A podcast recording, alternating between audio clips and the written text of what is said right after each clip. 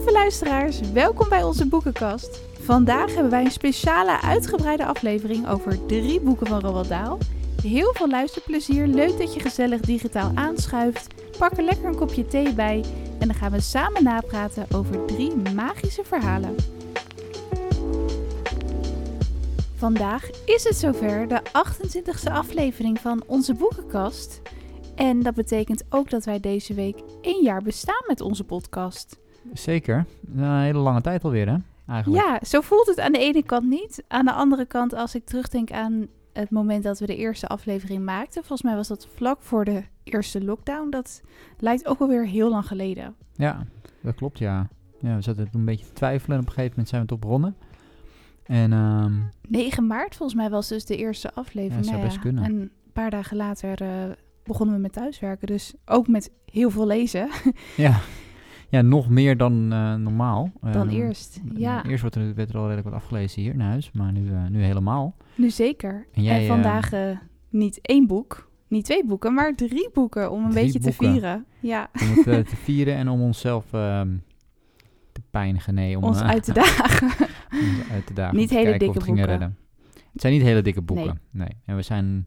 Jij bent nog wat meer met de- al bekend met het materiaal dan ik ben. maar ehm, we zijn allebei wel enigszins een beetje bekend met het materiaal. Dus dat helpt Gelukkig. ook wel.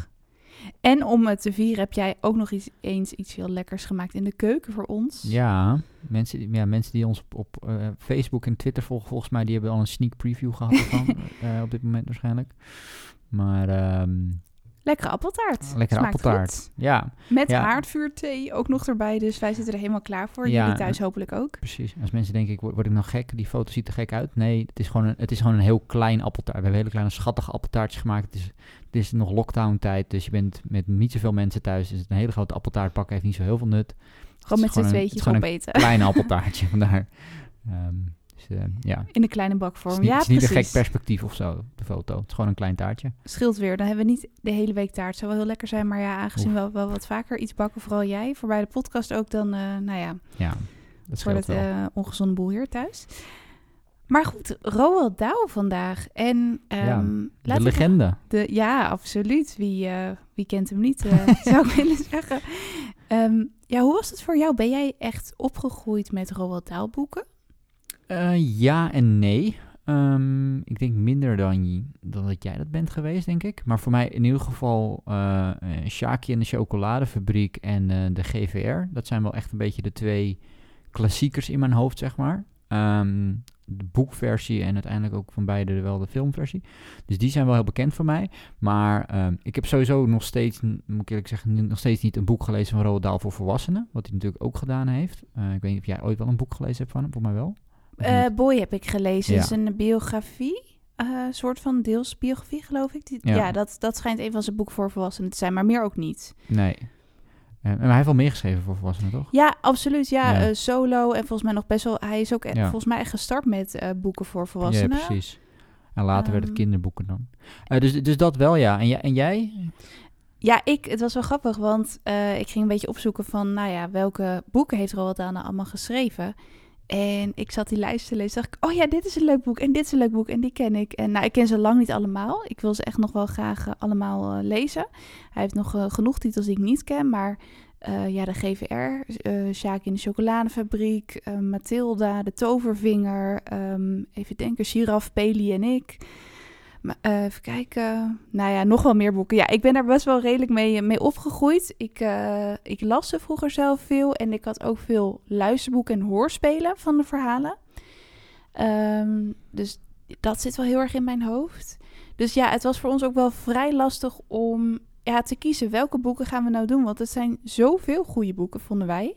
Ja, Ehm, het is een beetje... eh, om een beetje in het Shaki in de chocoladefabriek thema te blijven. Het is een beetje als een kind in de snoepwinkel, hè? Is, eh, ja. je wil het absoluut. allemaal.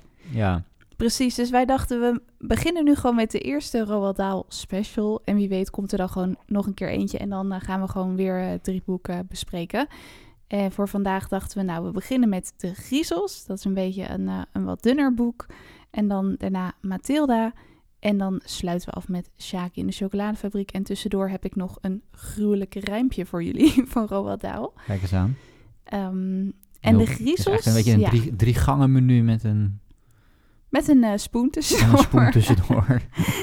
ja, dus eh, we hebben eventjes, maar het zijn Ja. dus niet zulke dikke, dikke boeken als eh, sommige boeken die we weer hebben besproken. Dus ehm, ja, we gaan zien hoe lang we er lekker over gaan babbelen met jullie.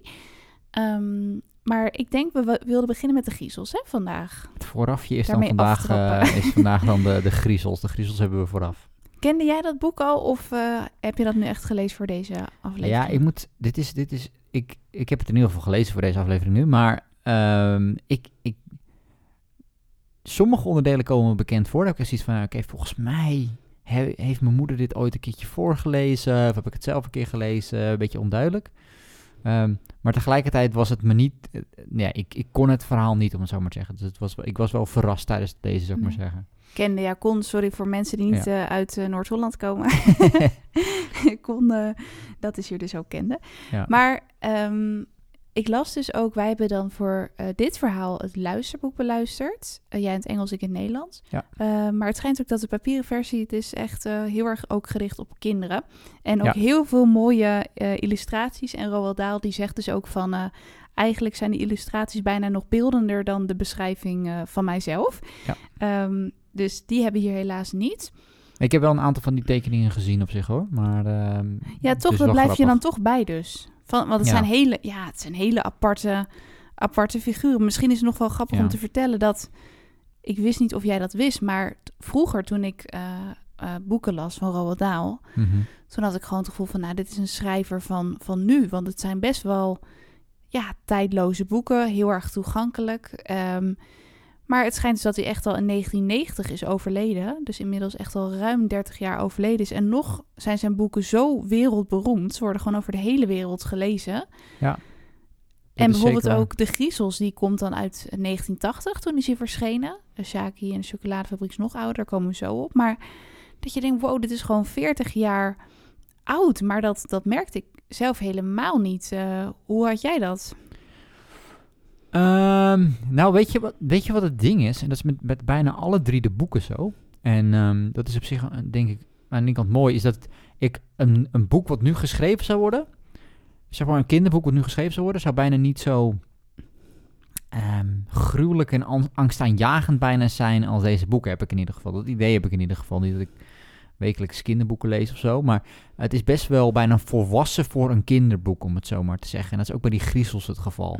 Dat is het enige. Dus het is niet gedateerd of zo, zoals ik zo bedoel. Ja, Maar het is wel anders dan, ik veel, Paw Patrol of zo, wat nu op tv we is. hebben zo, dan weet je, weet je, dat alles... en dan... wel, Het is niet zo zoetsappig. Het is niet zo zoetsappig, nee. Dit, dit zijn gewoon, die griezels, ja, het laat maar gewoon, het, het zijn gewoon nare mensen. Er wordt ook gewoon beschreven dat ze naar zijn en harig en goor en smerig. Lelijk. En, En, ze zijn ook lelijk, omdat ze gemene gedachten hebben. Dat is ook wel grappig. ja, gewoon zo van, ja, ze hebben, ze hebben nare gedachten en daarom zijn het lelijke mensen. En weet je, ik, ja, ik zie dat, nou goed, opnieuw, misschien, misschien eh, komen die, zijn die boeken er wel gewoon en ben ik gewoon niet Ja. op de hoogte. Maar, maar, maar ja, het voelt, heel, eh, dat voelt wat, wat rauwer of zo op de een of andere manier. Het lijkt wel alsof dat een beetje, f- ja, dat we daar tegenwoordig iets meer met fluwelen handschoentjes kinderen vastpakken of zo. Ja, het is ook wel, heb ik het gevoel, de boeken die ik heb gelezen van eh Roald Dahl, dat het wel vrij typerend is voor zijn boeken. Dat het aan de ene kant heel veel humor is en verrassende wendingen en grappig en ja, echt lachwekkend, ook voor kinderen, ook voor volwassenen. Maar dat je aan de andere kant dus ook dat donkere, macabere randje een beetje hebt, wat je net ook al zei, dus bij de griezels. En dat is denk ik in alle drie de boeken die we gaan bespreken wel zo. En Zeker. misschien wel in heel veel Roald Dahl boeken. Ja. Eh, want het is dus, ik denk heel grappig voor kinderen, kan ik me zo voorstellen. Maar ja, er zitten ook gewoon elementen in die voor volwassenen eh, leuk zijn. En vooral de, de humor. En het begint al, ja, met dat het dus een, een echtpaar is. Een heel gemeen echtpaar, wat er heel, ja, afstotelijk uitziet. Eh, dat wordt ook vrij ehm, beeldend geïntroduceerd, vrij uitgebreid ook, hè? Heel uit. Dit is, dit is, het is echt fantastisch. Weet je, hoe het begint alleen al met die twee die. En eh, de grap is dat ze zeg maar elkaar haten, om het zo maar te zeggen. Dus het is een stelletje, maar ze haten eigenlijk elkaar. Ze En- maken elkaar het leven zuur onderling. Heel erg. En ze gaan Ja. dus inderdaad elkaars leven zuur maken. En op alle mogelijke manieren. En gewoon, ja, gewoon hilarisch geschreven vind ik het. En enorm Want ze worden dus ook allebei... Vooral die meneer Giesel is me heel erg bijgebleven... dat hij dus een soort van baard heeft over zijn hele Ja, gezicht, precies. die hij nooit wast. Nee, inderdaad. Dus hij, hij eet en dat, dat eten blijft dus allemaal in die baard vastzitten. En, ehm, en, en, en op een gegeven moment omschrijft hij dus ook inderdaad van ja, als hij dan, eh, als hij dan trek heeft, dan, dan, dan gooit hij gewoon even zijn tong uit zijn mond. En dan likt hij even rond en dan heeft hij wel weer een maaltijdje te pakken Ja. of zo. En het is allemaal van die smerige, nare. Ja. eh, en ook die vrouw, die heeft ook volgens mij allemaal puisten en. Ik weet en, het niet en, eens meer. en naar. En En zij was vroeger dan nog wel knap, maar omdat ze dus allemaal gemene Ja. gedachten had, was, eh, wordt Ja, ze maar elk dat jaar eh, dat- afstotelijker. Dat is ook zo'n zo'n ding wat hij dan doet. Want in het begin dan begint hij eventjes met van... Ja, het zijn hele lelijke mensen en het is naar om naar te kijken. En dan denk je echt, oké, dit is wel, weet je wel... Als, Beetje maar dat- gemeen om te maar zeggen. waar waar hij het dan goed mee maakt is zo van... Ja, maar je, je, bent, je wordt niet lelijk geboren, wat dan ook. Of het is niet, je bent niet lelijk omdat je, weet ik veel, gek haar hebt of weet ik wat. Je bent lelijk omdat je allemaal nare, boze gedachten hebt en gedragingen hebt. En die zorgen ervoor dat je lelijk wordt. Dus hij zegt eigenlijk een beetje soort van de ziel van iemand is lelijk. En daarom zijn deze mensen Ja. zo lelijk. Dat is misschien ook weer een beetje die moraal die dus in Ja. best wel veel van zijn boeken dus op een grappige manier, originele manier terugkomt. Ja, maar hij wil Ehm, natuurlijk niet ja. dat als een kind dit leest en denkt van, nou ja, weet ik veel, ik heb flaporen en een, en een, en een hazenlip, dat, eh, dat, dat diegene wordt gezien als lelijk. Dus heb je dan een beetje zo te zeggen van, ja, die, dan ben je niet lelijk, maar je bent wel lelijk als je... Nou, zoals deze mensen in het boek eh, allemaal nare dingen gaan doen bij elkaar. Want op een gegeven moment, ehm, nou ja, ze zijn een beetje aan het zeggen, al continu elkaar eigenlijk aan het ge- aan- voor de gek aan het houden. Hè? Dus op een gegeven moment... Terwijl dat dus een echtpaar is, maar ze nemen elkaar steeds in de maling, ja. Nadat jij het ook gelezen had, dat- hoorde ik jou op een gegeven moment... Ik word nog steeds misselijk van die wormen. Want, vertel- Ja, vertel eens wat echt daar gebeurt. verschrikkelijk. Ik zat vanmiddag nog aan te denken bij mijn lunch, want ik dacht... Oh, gatsie. Eh, ja, mevrouw Giesel, die, ehm, die had volgens mij, even denken hoor... Ja, ze hebben dus steeds grapjes onderling met elkaar gemaakt. En op een gegeven moment dacht ze, nou, nu ben ik het zat. Nu ga ik het mijn man betaald zetten. Had ze lekker een beetje wormen opgegraven uit de tuin. En ze had heerlijke spaghetti gemaakt voor meneer Giesel. En die had ze er zo heel slim zo doorheen gekookt, geroerd. En dan net wel genoeg saus, zodat de wormen niet zichtbaar waren. Gingen ze het lekker eten. Toen zei ze, ja, dit is nieuwe kronkelspaghetti. Oh ja, waarom beweegt die spaghetti? Ja, ja, dat is nieuw. Vind je het lekker? Ja, het is wel een beetje blubberig. En dan, als hij zijn hele bord heeft leeggegeten, oh, gaat ze je dan, vertelt ze hem dus. En dan gaat hij het haar weer betaald zetten met volgens mij een beest in haar bed of zo. Ja, Of ja. begint hij dan met die stok? Dat is ook nee, wel dat is later. Hij gaat eerst dat beest in die bed stoppen, volgens mij. Als ik het goed zeg. Dus dan stopt hij een dier in, in haar bed. En dan Een gaat kikker ze, volgens een kikker. mij. En dan gaat ze het bed in. En dan is die kikker aan het rondkruipen over de lichaam. Weet ik het allemaal voor, voor gekkigheid. En dan, dan stopt zij voor haar, zeg maar, haar glazen oog in, in het glas drinken van die, eh, van die man. Ja, mevrouw Giesel haar glazen oog. Dus, Ja, nou, en dus dan gaat hij weer Dus, wel- nemen. dus, die, dus dan drinkt hij zijn glas eh, op. En dan op een gegeven moment ziet hij dat glazen oog naar hem kijken. Nou, één grote shock daar. En dan is hij het zat. En dan inderdaad, dan, dan komt zeg maar, ja, ik vond het echt hilarisch bedacht dat hij dus net gaat doen alsof zij krimpt. Dus hij gaat, Zij heeft een wandelstok. zij heeft een wandelstok, want ze heeft ook een, voor mij ook een bochel en een wandelstok. Want, eh. Oh, dat was de reden, ja. En, ehm, en ze loopt dus met die wandelstok. En wat hij dus doet, iedere nacht plakt hij dus een stukje hout aan die wandelstok vast. Zodat het net lijkt, die, die stok komt steeds hoger. Dus tijdens Hij het doet het lopen... heel precies, van Ja, precies. dat je het niet ziet. Dus die Ja. stok die wordt steeds hoger, waardoor zij dus nou, het gevoel heeft dat ze krimpt. En dan zegt hij, ja, maar ze heeft natuurlijk door dat het alleen de stok is. Maar wat heb ik gedaan? Ik heb ook bij haar stoel, heb ik dat ook gedaan. en bij de tafel. Waardoor alles, zeg maar, in de woning groter wordt. En zij lijkt te krimpen. Dus nou, op een gegeven moment heeft ze dat dan door. Hè. Die stok die zit op een gegeven moment boven haar hoofd, volgens mij, of zo. Dus er is bijna niet meer mee, boven de schouder, er is bijna niet meer mee te lopen. En dan gaat hij dus tegen haar zeggen van, ja, voor mij heb je... Voor mij ben je aan het krimpen. Ja, ja, daar is hij er zo lekker aan het gek maken. En dan, ehm, dan maakt hij er ook wijs dat ze dan op een gegeven moment zo ver krimpt dat er niets meer van de overblijft. Ja. En op een gegeven moment heeft hij toch ook zoiets, dan willen ze er gaan uitrekken of zo. En heeft hij allemaal van die ballonnen aan haar vastgemaakt. Ja, dus dat is wat er dan gebeurt. Dus dan, hij gaat dus, dus, dus dan zegt hij, ja, je bent echt aan het krimpen. Dit gaat echt helemaal fout met je. En dan zegt oh nee toch, ik ben, ga toch niet krimpen? Nou, dan is het van, ja, je gaat krimpen. Maar ik heb wel een oplossing. En wat is dan die oplossing? Nou, ik bind je benen... Dit is ook echt gewoon... hoe verzin je Hoe dit ook kom echt? je erop? Ja. Maar ik bind je benen vast op de, aan, de, aan de grond. En eh, dan, dan maken we allemaal eh, ballonnen vast aan je armen en aan je hoofd en aan je schouders. En alles maken we ballonnen vast met helium. En eh, die zweven dan omhoog en die trekken jou dan echt maar uit elkaar. Dus dan groei je weer. Nou, dit, dit is trouwens spoiler, dit is trouwens een soort van concept, denk ik, wat hij vaker gaat doen. Want later komen we nog een vergelijkbaar iets tegen over. Maar eh, eh, bij Shaki. Hmm. Maar, Oh ja. ehm, maar goed. Klopt, inderdaad, nu het Ehm, zegt. maar, ehm, dus, dus zij doet het en dan gaat hij natuurlijk, nou, de benen zitten vast aan de grond, dus dan knipt hij dat, dat touwtje door bij de benen. En dan vliegt zij gewoon de lucht in. Dus eigenlijk vermoordt hij er gewoon. Dat is kort Hij wil gewoon zijn vrouw weg hebben en hij gaat ook lekker in zijn tuin zitten met een biertje. Nou, mevrouw Precies. Griezel is weg. Eindelijk is ze er, eindelijk is ze weg. Ja, precies. Echt zo zit hij zo En kwaadaardig. echt En dan gewoon... eh, slaagt ze er toch weer in om terug te komen. En ze zal hem Ja. wel weer het, eh, nou ja, ze gaat hem weer eh, het zeg maar op zijn nummer zetten. precies. Maar dan zegt de verteller ook van ja, we kunnen wel eeuwig gaan kijken naar die dingetjes die deze griezels bij elkaar flikken. Maar er zijn ook nog andere dingen. Want, ook origineel, hoe kom je er ook weer op inderdaad? In de tuin van de griezels staat een kooi met eh, apen. Een apenfamilie volgens mij. Ja, hele familie apen. Ja, waarom niet? Waarom niet? En die ehm, meneer Griezel wil volgens mij ook bij het circus. Dus hij wil ook dat die apen ehm, elke dag oefenen met op elkaar staan, maar dan op hun kop. Dus ondersteboven. Dus ze moeten ondersteboven drinken, ondersteboven eten. Ze moeten helemaal ondersteboven Ehm, leven eigenlijk. Ze staan op elkaar gestapeld, maar dan op hun kop. Super zielig natuurlijk. Ja. En die apen, nou ja, die, vinden, die zijn eh, hartstikke slim. Die zijn natuurlijk veel slimmer dan die griezels bij elkaar. Dus die zitten al een beetje op plannetjes te, te broeden van hoe komen we van deze mensen af. En wat ze dus ook nog voor verschrikkelijks doen. Ja, als ik het zo opnoem, denk ik, het is eigenlijk best wel gruwelijk voor een kinderboek. Maar Ja, precies. Dat is precies waar ik het ook over had. Dit, dit, deze scène die je nu gaat omschrijven, denk ik.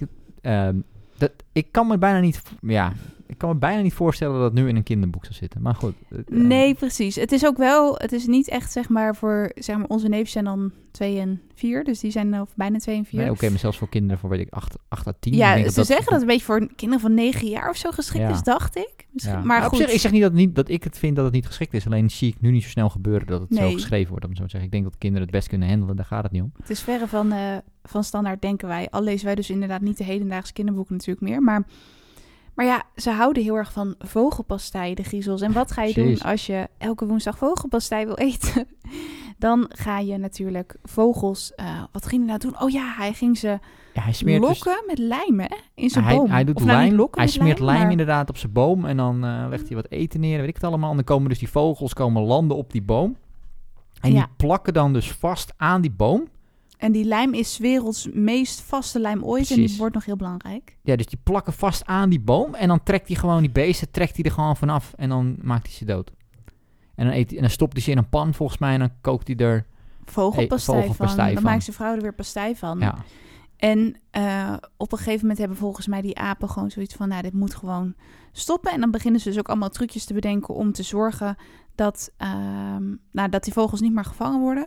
Dus ik weet even niet meer. Volgens mij ging ze op een gegeven moment... eh, was er een soort eh, rolmopsvogel. Beetje een Afrikaanse vogel met heel veel gekleurde veren. En die, eh, dat was het probleem. De apen konden niet met de vogels praten, want ze praten niet dezelfde taal. Maar toen kwam er gelukkig een, een, nou ja, een rolmopsvogel. En die sprak dezelfde taal als zowel de apen als de vogels. Dus Ja, die kon de die vogels waarschuwen. Die precies. kwam uit Dus de die waarschuwden de vogels en dan wisten de vogels, oké, ik moet niet op de boom landen. Klopt. En dan op een gegeven moment gaan ze dus steeds proberen die griezels dus slim af te zijn. Dat lukt ook steeds. En die griezels worden steeds bozer, steeds nijdiger, steeds kwaadaardiger. En die hebben op een gegeven moment zoiets van, nu is de maat vol, wij willen gewoon vogelpastei. Dus dan gaan ze op pad om twee geweren te kopen. En dan is er wel echt nood aan de man. Want dan, ja, hoe gaan ze dan ontsnappen? En volgens mij komt dan een van die apen op het idee, hè? Als je het zo vertelt, denk je, Ja. wat een bizar verhaal. Ehm, gaat alle kanten op. het gaat alle kanten op, ja. Dus, en, en dan zijn we eigenlijk wel een beetje bij het einde. Dat Ja. is toch... ehm, ja, Ja, wat vond je van het einde? We kunnen denk ik wel gewoon een beetje Ja, vertellen. Mocht u het niet willen horen, we gaan nu even het einde bespreken van de Skip griezels. je even een minuut. Eh, nee, maar eh, ja, het is ook grappig, want ze, zij heeft natuurlijk het idee dat ze krimpt. eh, eerder in het Mevrouw verhaal. Griezel, ja. Mevrouw Griesel. En dan nu ehm, gaat Want wat gebeurt er? Wat gaan ze doen om het voor eeuwig en altijd op te lossen? Ja, ze gaan krimpen, toch? Ja, ja nou, ze gaan dus... ehm, ze lijmen ze dus vast op de grond. Ja. Eh, maar dan ondersteboven. Dus dat vond ik wel heel grappig. Dat Ja, ze precies. dus... ehm, dat die aap dus een ideetje krijgt van... Nou, ze gaan geweren kopen, ze zijn weg. We We weten waar de sleutel hangt, dus wij gaan nu het huis in. En dan gaan ze letterlijk, dat is ook zo typisch Roald Dahl scène, gaan ze alles precies ondersteboven plakken. Dus Precies. het vloertapijt op, de, op het plafond en de bank erbovenop en zo door. Dus dan lijkt het net alsof ze dus op een Ja, dus kop de hele kamer wordt... Misschien heb je wel eens een keertje een YouTube-filmpje gezien of zo... dat ze dat doen met een hotelkamer. Dat ze alles, alles om, omkeren en alles vastplakken. Dat alles aan het plafond hangt. Voor mij heb ik het wel eens gezien. Dat is een soort van grap. Dat is eigenlijk wat deze mensen ook doen. Die hebben toen al, toen al Dahl gelezen. Waarschijnlijk wel. En de vloer dus ook verven zodat het een plafond lijkt. En dan denken die mensen, want ze zijn niet bijster intelligent natuurlijk. We moeten op ons hoofd staan, maar laten nou net op hun hoofd van die geweldige superlijm zitten, die Ja. ze zelf ook gebruiken. En dan zitten ze op hun kop en dan, eh, Ja, dus dan plakt hun hoofd plakt vast aan, eh, aan de grond. Of aan, het, ja, dus aan de grond. ja, en ze komen maar. niet los. Ondersteboven en dan zakken ze dus in elkaar. Toch? Dat is het idee. Ja, dat ze dus Ja. echt, dat die voorspelling van meneer Giesel dus echt uitkomt. Dat ze dus echt verdwijnen. En dat ze helemaal verdwijnen. En dan zijn ze dus weg. Dus de griezels zijn weg en dan hebben de dieren gewonnen. De dieren hebben gewonnen, die gaan een mooi huis bouwen in het bos. Iedereen is blij. Dus dat is wel weer een beetje dat macabere, lugubere. Maar ja, het is natuurlijk wel weer, het zijn zelf hele slechte, gemene mensen. Dus Ja. ja, Dus, dan eh, is het een soort van, eh, wel goed. Ja, ik moet zeggen, het is gewoon... eh, We proberen het hier na te vertellen. Lees het echt een keer. Het is niet, het is niet heel... Het is een kort verhaal, bijna. Ehm, maar het is echt hilarisch. Het is echt Ja. geweldig opgeschreven ook. Je kan het bijna niet navertellen. Het is gewoon echt het, het lezen waard. Ja, zeker. Ook al is het een kinderboek. Ook, ja, het is een soort van quote, een quote, een kinderboek, zeg maar zeggen. Het is niet, het is niet heel erg kinderboekerig misschien. Nee, nee, ik denk het niet. En misschien hebben andere mensen dat ook wel. Misschien had jij dat ook wel met Sjaak in de chocoladefabriek. Maar ik had echt met die boeken een beetje zo'n jeugdsentimentgevoel. Weet je wel, van lekker dat weer teruglezen. En het is, ja, het is gewoon nog steeds ook grappig wel voor volwassenen. Zeker ook eh, eh, de andere boeken die we zo gaan bespreken. Ja, ja dus dat is eh Dat de griezels. ja. wat, wat, wat, heb je, wat zijn we, hebben we daarna gedaan? Daarna hebben we allebei ook gelezen in ehm Mathilda. Ja, Ehm, een wat iets dikker boek. En ehm, die is iets later ook verschenen, in 1988 schijnt. Ja. En weer acht jaar later, als het goed is, verfilmd. En wat we trouwens ook nog even tussendoor gedaan hebben, is, eh, dat vond ik wel heel leuk, eh, dat kunnen jullie zelf ook doen als jullie dat leuk vinden, is een interview kijken ook met Roald Dahl. Staat best veel op YouTube nog. En een eh, documentaire gekeken van de BBC volgens mij. Ja. Ehm, ook best wel bijzonder om Roald Dahl dan gewoon te zien op, op beeld.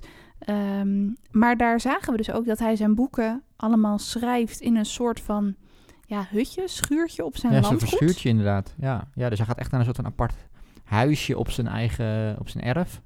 En daar eh, schrijft hij blijkbaar alle boeken. Dan gaat hij zitten en dan geeft hij aan dat hij een beetje zo'n vier uur per dag eh, boeken aan het schrijven was. Ja.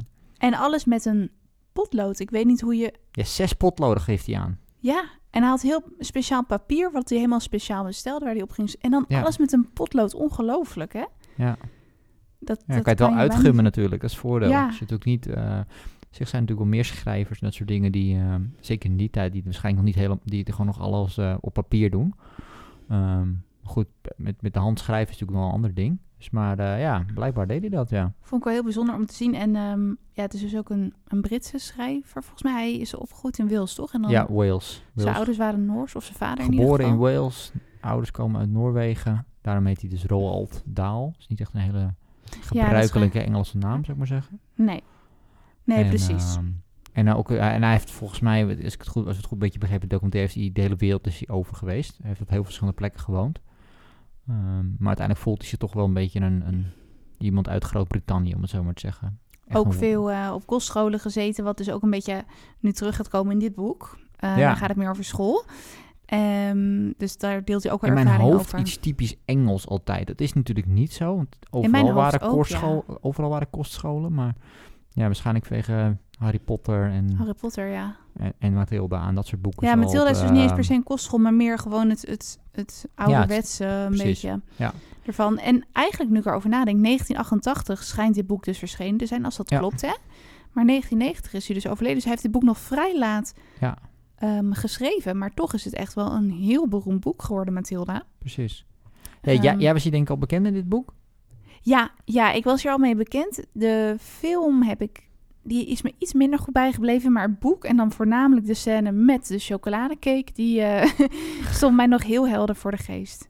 Ja, ik, en jij? Ja, ik, ik, ik ken de, v- het verhaal, zeg maar. Ik ken het, in, ik, heb, volgens mij heb ik de film wel eens gezien met Danny DeVito. Weet niet 100% zeker, maar...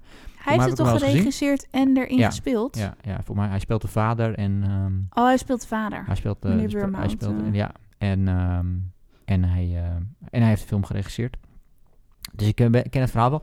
Ik, ik, volgens mij heb ik nooit dit boek gelezen in ieder geval. Of nooit, is mij nooit voorgelezen, zover ik kan herinneren. Dus voor mij was het de eerste keer dat ik het echt heb gelezen, zou ik maar zeggen. Er echt doorheen ben gegaan.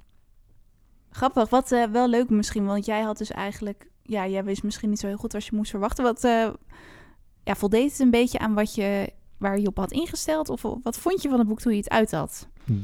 Ja en nee. Ik, ik, het begint denk ik leuk. Het eindigt oké. maar het middenstuk had ik, eh, nou, eh, had- ik wat moeite mee. Ik, ik moet zeggen dat ehm, eigenlijk wat, die, wat ik denk dat hij in bijvoorbeeld... We hadden het net natuurlijk over de griezels... waar hij da- daar een goede balans vindt tussen... en in Shaki doet hij dat denk ik nog subliemer... eh, tussen, tussen gruwelijk en, en, en, de, en de humor en de vrolijkheid, om het zo maar te zeggen. Daar vindt hij Ja. een goede balans vind ik daarbij Matilda op een gegeven moment, in ieder geval voor mij, die balans een beetje weg is. Dat het, zeg maar, het begint daar wel mee, want zij wordt een beetje door haar ouders gekleineerd en noem maar allemaal op. Maar andere momenten is zij de ouders te slim af. Hè? Hij doet bijna hetzelfde daar als de griezels met de aap of wat dan ook, weet je wel. Hij doet een beetje dat Een heen beetje en weer. goed versus kwaad weer. Ja, en, en, en de ene keer wint de een en de andere keer wint de ander. Dat werkt goed. En dan op een gegeven moment, nou, je geeft net al aan die scène met de, met de chocoladetaart. En zo, ja, dat, dat, dat sleepte bij mij een beetje. Ehm, en hoe, hoe, hoe, hoe had jij dat? Ja, ik, ehm, ik snap wel wat je bedoelt. Want eh, het begint dus, eh, ja, voor ons gevoel was het boek een beetje in drie delen bijna. Als ik het goed heb. Want ehm, het begint dus met Mathilda, echt een eh, briljant meisje. Die is eh, anderhalf en dan kan ze al eh, praten als een volwassene. En als ze vier jaar oud is, dan gaat ze al in de eentje naar de bibliotheek iedere middag. En dan leest ze Engelse literatuur van bijvoorbeeld Charles Dickens. En nog veel meer andere, ook van George Orwell en dat soort dingen. Dus zij is echt een, een wonder en heel erg slim, maar ook nog eens heel sympathiek. En dan zou je dus verwachten dat haar ouders hele lieve, intelligente, eh zachtaardige mensen zijn. Maar dat zijn dus echt de schurken in het boek. Ehm, en ik heb begrepen dat dat dus ook wel iets wat vaker in Roald Dahl's boeken terugkomt. Dat je dus echt de kinderen in de hoofdrol, eh, hoofdrol hebt.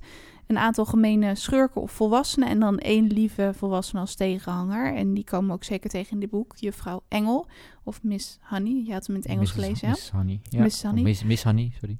Ehm, Maar ja, zij is dus heel erg slim. Ze houdt heel erg van lezen. Maar haar ouders, die, eh, nou, dat zijn echt haar tegenpolen. Die eh, vinden lezen maar onzin. Die eten het liefst eh, de hele dag voor de televisie.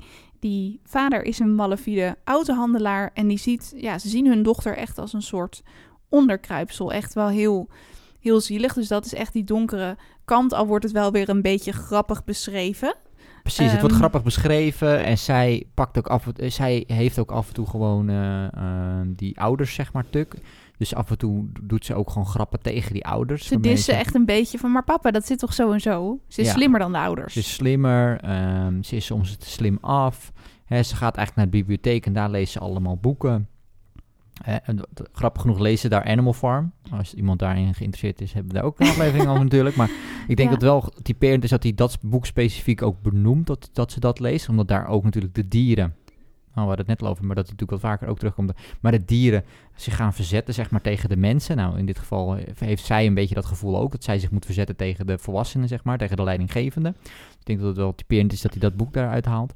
Eh, en zij gaat zich ook een beetje rebelleren tegen die ouders. En op een gegeven moment, die ouders die hebben zoiets van... eh, inderdaad, van die, die, die, vader is echt een mal... Ja, ik vond het wel echt hilarisch dat die vader echt zo'n malafide autoverkoper is. En die gooit zaagsel in de, in, eh, in de versnellingsbak. En En dan ging hij dus ook, ging hij dan een beetje leren hoe hij dat kon doen. Want dan word je echt een goed zakenman. ja, Eh, maar zijn dochter ging dan helpen met rekenen. Maar zijn dochter die wist helemaal niet, want ze was een meisje en ze was Ja, een kind. Ja, en... die, die scène is wel echt heel grappig hoor. En dan zit die vader, die heeft dus, eh, weet ik wat, die heeft dus drie auto's verkocht of zo. En dan zegt hij, nou, ik heb een auto verkocht voor 150 pond. En ik heb een auto verkocht voor 250 pond. En ik heb mijn auto verkocht spreken, ja. Voor 350 pond. En ze hebben zoveel. En weet je, dus dan noemt hij ook op wat de auto's gekost hebben. En dan zegt hij, nou, dan heb ik de, dus heb ik heel hard zitten rekenen. En nu weet ik dus hoeveel winst ik heb gemaakt. En dan zegt hij tegen die zoon zo van, ja, ga jij dat maar uitrekenen. Dat gaat je nooit lukken. En dan gaat die zoon, die komt er echt totaal niet uit, weet je wel. En dan zegt Mathilde uit het niets van, nou, je hebt zoveel winst gemaakt. En dan hij, dat kan niet, niemand kan dit gekeken, zonder... Je ja. niemand kan dit zonder papier en telraam uitrekenen. En dit slaat helemaal nergens op. Je zit gewoon weer vals te spelen, jij. En ehm, ja, vond ik wel erg, eh, gaaf dat, die- zeg maar, dat iemand... Ja, dat die vader zo dom is, om het zo maar even bot te zeggen. Dat hij niet kan begrijpen dat iemand anders meer kan dan hem, zeg maar. zeg maar. Dus hij kan niet uit zijn hoofd rekensommen oplossen. Dus niemand kan in zijn hoofd rekensommen oplossen, zeg maar. Dat wel, eh, vond ik wel vrij grappig, eh, grappig beschreven. En dat ze hem daarmee eigenlijk gewoon, ja, helemaal gek maakt dat, dat ze dat wel weet. Ja, vond ik wel vrij komisch. Klopt, dat vond ik ook. En ook dat ze dan bij zichzelf denkt: oké, nu is de maat vol, nu ga ik mijn ouders terugpakken. En dan heeft ze ook echt van die geniale ideeën.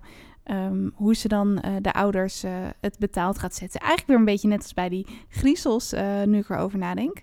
Ehm, maar dat ze dus ook, nou ja, dat moeten jullie echt zelf ook maar lezen, is echt heel komisch. Maar die vader heeft bijvoorbeeld een, een hoed waar hij heel erg trots op is. Dat is echt zijn trots. daarmee wil hij laten zien hoe rijk hij wel niet is. Dus wat doet ze dan? Volgens mij gaat ze dan ook met hele werelds beste, best Ja. plakkende lijm ooit of zo. Precies, ja, ze, In plakt die, hoed. ze plakt die hoed vast aan, eh, aan zijn hoofd. Ja, Ja, dan gaat ze dan dat zo heel keurig doen. En dan krijgt hij gewoon, die hoed krijgt hij gewoon niets meer van zijn, eh, van zijn hoofd af. Dus de vrouw die probeert dat eraf te halen. En eh, op een gegeven moment gaat ze het volgens mij gewoon los ja ze gaat hem los knippen. Ze gaat hem afknippen. En dan... en op een gegeven moment dan vraagt ze zo van... eh, dan vraagt hij aan, eh, aan Mathilda van... hey Mathilda, hoe ziet het eruit of zo? En dan zegt ze van... eh, het lijkt alsof je allemaal luizen op je hoofd hebt. Want er zitten allemaal stukjes hoed nog op je voorhoofd geplakt. Ja, dat echt. soort dingen. En hij is zeg maar echt zo'n ijdeltuit. Het is echt... ja, Klopt. ja, heel komisch. En wat betreft die ijdeltijd, nou, op een gegeven moment doet ze ook heel slim. En gaat ze dus de lotion van de vader, de violenolie of zo, die hij elke ochtend zo heel goed in zijn haar insmeert, gaat, hij, eh, gaat Mathilda dan verwisselen met de platina blonde haarverf van de moeder. En maar dat doet ze dan allemaal weer net zo precies dat het niet opvalt. En dan, eh, nou ja, komt eh, meneer Wurmhout, Mathildas vader, ook even naar beneden met eh, een verschrikkelijke haarkleur, wat u er ook heel moeilijk uit krijgt. Dus eh is wel heel slim. eh, en ehm, ja. Ja. ze beschuldigen haar wel, maar ze hebben geen bewijs. Ja, maar dan op een gegeven moment is wel de maat vol. Ja, ja, en eh, ze doet ook nog iets met de papegaai van haar vriend. Nou, moeten jullie maar lezen. Ja, Misschien heb je het al gelezen. Maar ja, dan komt denk ik een beetje het tweede deel, toch? Want dan gaat ze naar school. ja dan gaat ze eigenlijk naar school, hè. Dus dan... ehm, en dat is eigenlijk eerst. in eerste instantie lijkt dat een bevrijding te zijn. Want opeens eh, heeft ze een beetje eh, leeftijdsgenoten om. Heeft ze niet meer die ouders die er de hele tijd tegenhouden. Kan ze, kan ze lezen wat ze wil lezen. Ja, en juf Engel komt er ook achter hoe, hoe slim ze is. Dat ze dus gewoon al hele boeken kan lezen. Ehm, ze moet op een gegeven moment de tafels doen. De tafel van drie of zo. En dan, of van twee. En dan gaat zij gewoon eindeloos lang door. En ze kan de moeilijkste sommen. Ik ging die sommen ook doen thuis. Ik dacht, nou, dit, dit kan ik niet hoor. Dit is gewoon echt een hoogbegaafd kind. Ehm, ja, de, juf Engel komt erachter dat ze dus echt buitengewoon intelligent is. En ehm, dat ze eigenlijk gewoon in de hoogste klas zou moeten zitten. Ehm, dus ja, gelukkig is juf Engel op die school. Juffrouw Engel, want dat is wel een hele lieve juf die Mathilda heel erg eh, steunt en wil stimuleren. Ja. Maar dan komt daar het tweede kwaad. En dat is ook een beetje, denk ik, het onderdeel wat jij wat te somber of iets te negatief vond met juffrouw Bulstronk. De, ehm, hoe zeg je dat? De hoofddirectrice volgens mij. hè? Ja, ja dat, dat is in een, het, het, is, het is even te veel, vond ik het. Want dat is echt, nou ja, zo'n docent hebben jullie hopelijk nog nooit gezien. maar dat is gewoon echt een, ja, een verschrikkelijk mens, een soort reus, een soort, ja, eh, iemand die geen tegenspraak duldt en iedereen verplettert. En eh, ja, jullie kennen vast wel die scène ook met die, met die chocoladecake misschien. Of dat ze gewoon kinderen door, de, door het lokaal slingert. Dat is gewoon nou, inderdaad, ja, vertel maar. Kijk, het inderdaad, dus, want is het is inderdaad gebeurd. is Dus inderdaad, ze, ze, ze, ze slaat volgens mij kinderen. Ze trekt de oren, trekt ze gewoon, rekt ze uit en daar geniet Ah, ze ook ja, van. vreselijk. En ook niet gewoon eventjes aan een oor trekken, hè, maar ze rekt het zo erg uit. Ze zegt ook, ja, ik trek zo hard aan die oren, dat ze gewoon eeuwig eh, groter zijn geworden. Zodat het kind de rest van zijn leven weet dat ik hem heb gepijnigd en zo. Dus e- echt nare, nare dingen. Martelpraktijk. een Echt beetje. martelpraktijk, echt heel naar. En, eh, en die chocoladecake dus ook. Er is dus een jongetje wat een beetje stevig is volgens mij. En Hij heeft, nou, hij heeft een stukje cake gestolen. Ja, maar hij, is, hij, hij wordt al omschreven als een, een beetje stevig jongetje in de klas. Inderdaad. En die dus ook altijd veel eten, noem maar allemaal op. En omdat hij dus trekken meer. Maar heeft, zou kunnen hoor. Ja. steelt hij een stukje choco, eh, eh, een stukje gewone cake of wat dan ook. Hij steelt u van taart. Van zijn, en die was volgens mij bedoeld voor juffrouw Bilstronk of zo. Ja, en hij steelt precies. die taart. Dus hij steelt die taart. En dan zegt zij, oh, eh, wil je een stukje taart? En dan, eh, ja, nee, ik had trek je een stukje taart. En, eh, oh, we hebben een heel stuk taart. En dan komt er dus een of andere gigantische chocoladetaart. Echt gigantisch. Ja, dus ze zeggen met de doorsnede van een, een meter of een halve meter of zo. in elk geval gewoon echt een mega apparaat, gewoon belachelijk groot. Chocoladetaart. En dan, zeg, en dan gaat ze dus hem dwingen. Dit is echt gewoon bijna Saw-praktijk. Ik weet niet of mensen de Saw-films hebben gezien, maar eh, hij moet dus die hele taart opeten. En anders mag je niet van zijn stoel af. En de hele school gaat op een gegeven moment, of de klas of de hele school gaat op een gegeven moment om, dat, eh, om die kantine heen staan. Als ik het goed zeg. Ja, het is ten aanzien van de hele school moet hij die cake helemaal opeten. En anders als hij het niet doet, dan dreigt ze nou, allemaal nare dingen te doen. Dan moet hij in het stikhok of zo, geloof ik. Ja, is ook nog. weer zoiets. En dan, ja, hij moet gewoon die hele taart opeten. En dat is me dus ook zo bijgebleven. Dat zit volgens mij ook best wel uitgebreid in die film. Ik weet niet zeker of daar ook een jongetje is of een meisje. Maar in elk geval het idee dat je zo'n enorme cake helemaal op moet eten. Nou ja, en dat is, dat is eh, juffrouw Bulstronk. Dat is typisch. En niemand durft er eh, tegen in opstand te komen. Zelfs de docenten of de ouders niet. Niemand. Inderdaad, er zit een hele scène ook in. Ja, we gaan je ouders gaan je toch niet geloven. En eh, het is, het is alleen maar narigheid eigenlijk. Maar daartegen klopt dat dat tweede deel was wel, wel heftig. Maar gelukkig komen de kinderen dus wel in opstand. Ehm, zo ook Lavendel, vriendinnetje van Mathilda en Mathilda op een gegeven moment zelf. Eh, ook met die salamander, dat ze dat dus in de eh, kan gaan doen. in de kan water ja, van er gebeuren eh, dus inderdaad, ja. nu die chocoladetaart, er gebeuren nog een aantal andere nare dingen eigenlijk. Dus die, die, die hoofddirectrice die is enorm dominant, die domineert eigenlijk de hele school. En op een gegeven moment, hè, om maar eventjes een beetje de animal farm-achtige, hè, gaat zij, gaan, gaan er een groepje mensen gaan er in opstand komen. En, ehm, en dan inderdaad op een gegeven moment komt dus die, eh, die juf komt langs om eh, dus eigenlijk die tafels nog een keertje door te nemen. ja, die Bilstronk die gaat bij elke leraar in de klas een beetje langs om te kijken of ze het wel goed doen. of ze het goed geleerd hebben, et cetera. En dan ehm, is er een van die eh, vriendinnetjes inderdaad, of een van die klasgenootjes, die heeft Ja. inderdaad een, een, een hagedis of een salamander. Een vreselijk smerig Eh, beest doet ze in die, eh, in die kan. Ja. Ja, in de waterkan, want ze, wist, ze weten dat altijd die, die, die hoofdvrouw, die hoofddirectrice, Bilstronk, ja. dus ze water gaat drinken en dan giet, schenkt ze dat in en dan ziet ze dat beest glibberen en nou, een en al paniek, een en al chaos. Maar dan, dat is best wel een belangrijk punt in het boek. Ehm, dat is dus ook weer een beetje dat kattenkwaad. Het schijnt ook wel dat Roald Dahl, dat had ik ook wel een beetje gelezen in zijn biografie, eh, autobiografie. Maar dat, dat is echt nog wel de moeite waard om te lezen. Dat hij zelf dus ook wel van die graantjes hield en kattenkwaad uithaalde. Maar dat hij zelf ja, op kostscholen heeft gezeten, waar het dus enorm streng was. Ehm, dus misschien is dat hier wel een beetje die gelijkenis. Dat zou kunnen.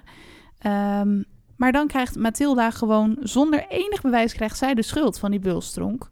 Dat zij eh, die salamander in het glas heeft gedaan. Nou, en dan wordt Mathilda zo boos. Want, nou ja, eh Bulstronk heeft gewoon iets tegen haar. Omdat Mathilda heel intelligent is. En Bulstronk, nou ja, die heeft het niet zo op slimme mensen. Ja, en, en haar Die vader, en haar vader ook in het begin van, eh, als ze net op school komt, zegt ze ook, oh ja, en jouw, hè, die vader is heel goed, want die heeft mij een hele mooie auto verkocht en fantastisch. En ook dan op een gegeven moment blijkt dus dat die auto, net als alle auto's die hij verkoopt, eh één groot wrak is. En eh, daar is Met zaagsel. met zaagsel Ja. erin en de kilometerstand is teruggedraaid. Trouwens ook een hilarische scène hoe die helemaal uitlegt aan die zoon net hoe je de kilometerstand moet terugdraaien.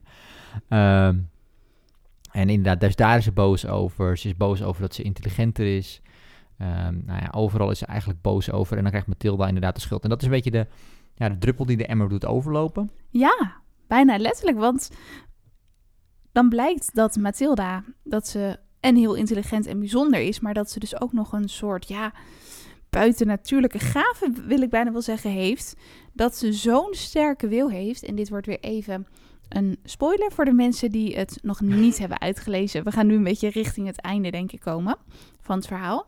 Ehm, dan gaat zij dus met haar ogen, of in elk geval met haar wil, of kan zij voorwerpen verplaatsen en verschuiven.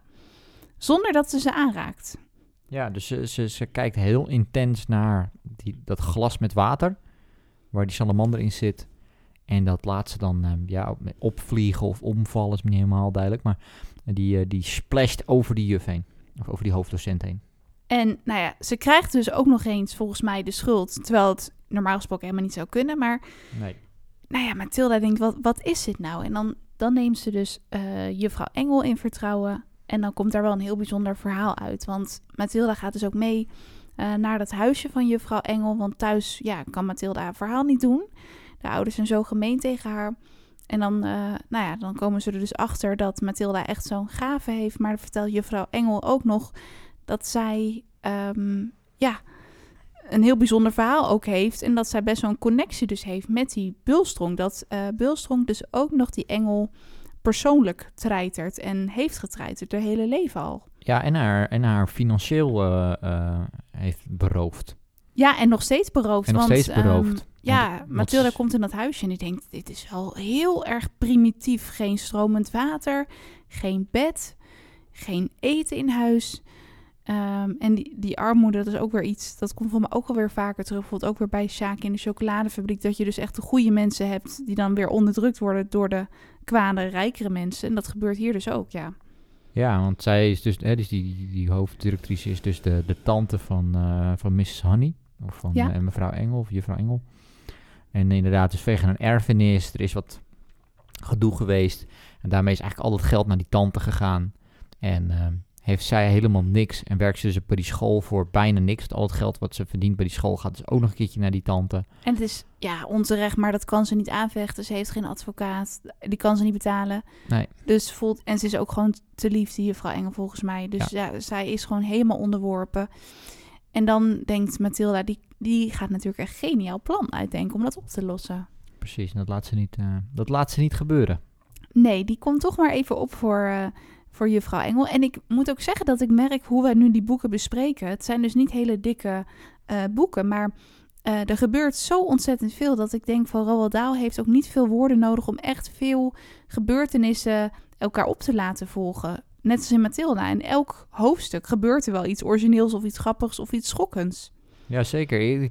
Dat komt denk ik ook wel doordat het uh, natuurlijk voor kinderboeken zijn, maar hij weet daar heel, uh, eigenlijk met relatief simpel woordgebruik, om het zo maar te zeggen, hele goede verhalen neer te zetten. En ik denk, doordat hij dat doet, zijn die zinnen vrij compact, uh, et cetera. En hij gaat niet te veel in op details die er niet te doen. Hij is heel... Dat geeft hij ook aan in zijn interview, hè, dat, dat kinderen sneller zijn afgeleid dan, dan, dan volwassenen. Dat hij daardoor dus ook moeilijker vindt om voor kinderen te schrijven, is wat ja, hij toen zei. Maar ja. het lijkt bijna wel alsof je in die boeken...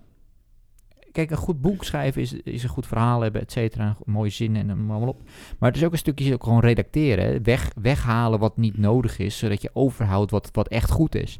En daar lijkt hij wel echt subliem in te zijn. Want hij haalt eigenlijk alles weg wat niet nodig is.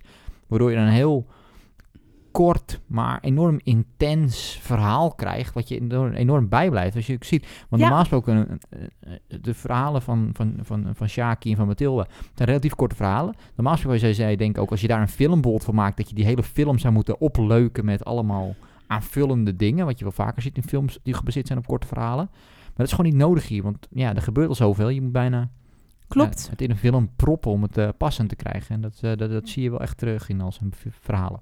En dat er ook gewoon zoveel gebeurt in elk hoofdstuk, zeker bij Mathilda. Uh, dus dat is wel heel, uh, heel grappig. Dat ik denk van, oh, ik heb het boek nu al uit, maar ja, er is zoveel gebeurd. En dat is ook zeker bij Shaki zo.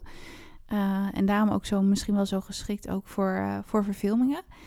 Maar het einde, ja, we zijn nu eigenlijk bij het laatste hoofdstuk een beetje aangekomen.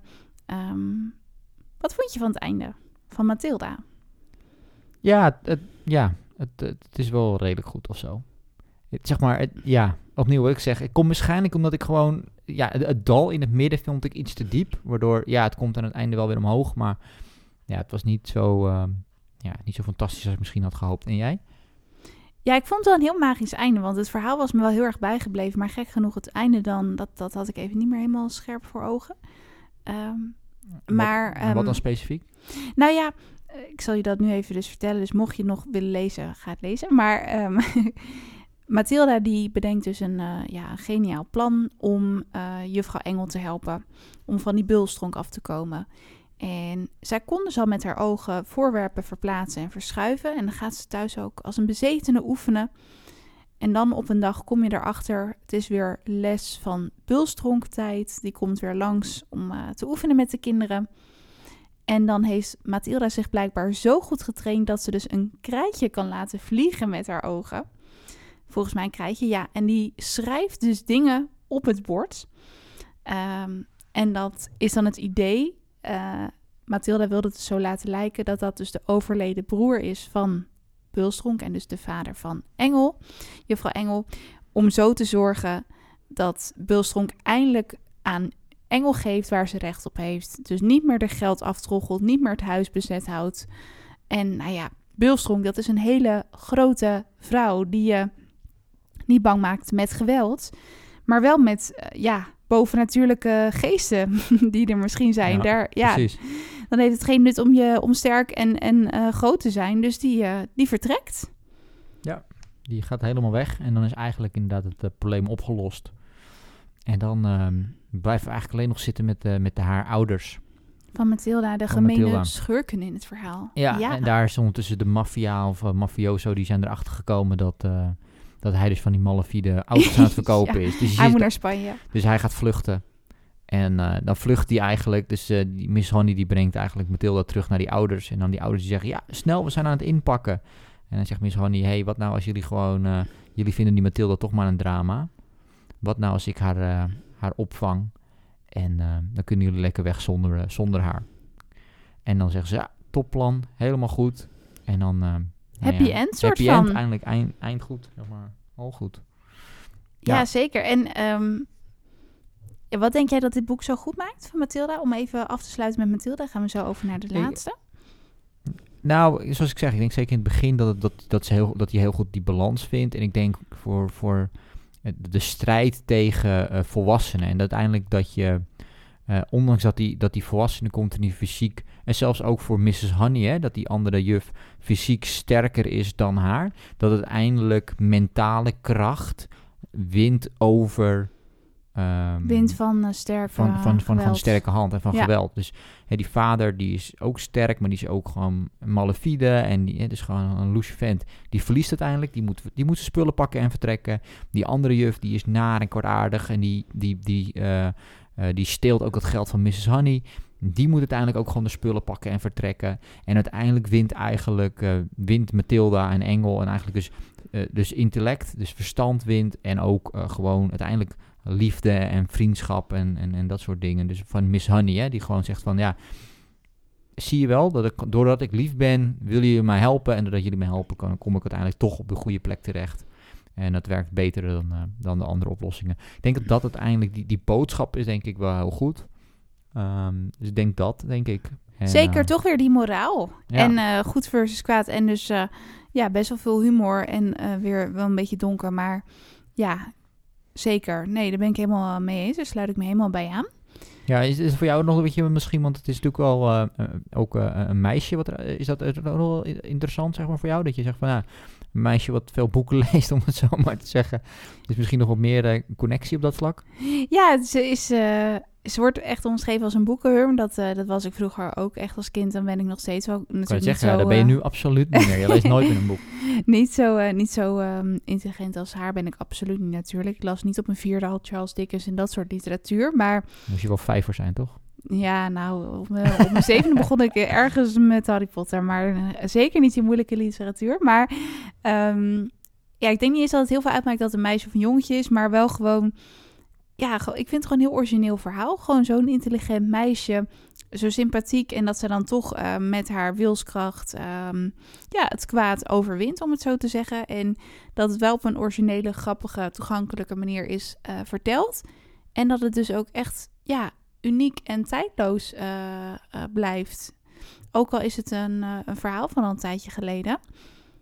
Ja, ik denk dat het wel slim is geweest dat dit uiteindelijk ook, wat je zegt, geeft goed aan. Hè? Het is uiteindelijk niet echt een kostschool, zeg maar. Uh, het zit er een beetje half tussenin. Dus een beetje mij. de, ja, wij noemen het de basisschool, maar ja, ze, ze zit denk ik bij de kleuters of zo. Ja, maar, maar slaapt, ze slaapt daar niet toch, volgens mij. Nee, nee, nee, ze gaat, gaat inderdaad naar wel naar de ouders weer. Dus, uh, ja. dus ik denk dat het ook wat moderner, maar ik denk als je helemaal in een full-on kostschool had gedaan, dat misschien wel iets gedateerder aanvoelde. Dus ik denk dat het een slimme keuze is geweest. Het is ook een van zijn latere boeken, dus misschien dat het ook daar wel, wel eh, dat expres heeft gedaan. Maar eh, ja, dat maakt het wel tijdloos, denk ik, ja. Absoluut, zeker. En dan eh, gaan we straks nog heel even Shaki Shaki doen, maar jij hebt een verrassing, hè? Ik heb een verrassing. Ik heb een leuk, gruwelijk rijmpje. Ik zal jullie even vertellen waar dat precies over gaat. Want eh, vroeger toen ik, eh, nou ja, vroeger, toen ik wat jonger was, toen had ik ook zo'n luisterboek. En eh, daar stonden, dat heette gruwelijke rijmen. En er is volgens mij ook nog rijmsoep. Maar het idee is dat het dus sprookjes zijn. bestaande sprookjes zoals Assepoester, Sneeuwwitje, dat soort dingen.